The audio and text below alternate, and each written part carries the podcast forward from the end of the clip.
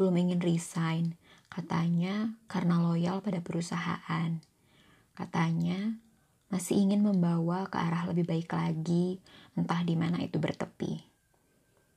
Tidak mau pindah ke perusahaan sejenis, katanya tak sampai hati bila bertarung dengan yang sesungguhnya telah disudahi.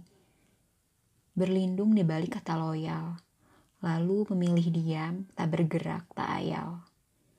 Benarkah itu nyata atau fiksi afeksi semu? Bukankah sesungguhnya itu hanya bias yang dirasa sepihak? Belum tentu yang sepatutnya ditinggalkan pun masih ingin merengkuh. Belum tentu itu semua benar tak etis, hanya hati sendiri yang merasa krisis. Semu, fiksi, bias, lemparkan itu semua pada kaca, bukan cermin.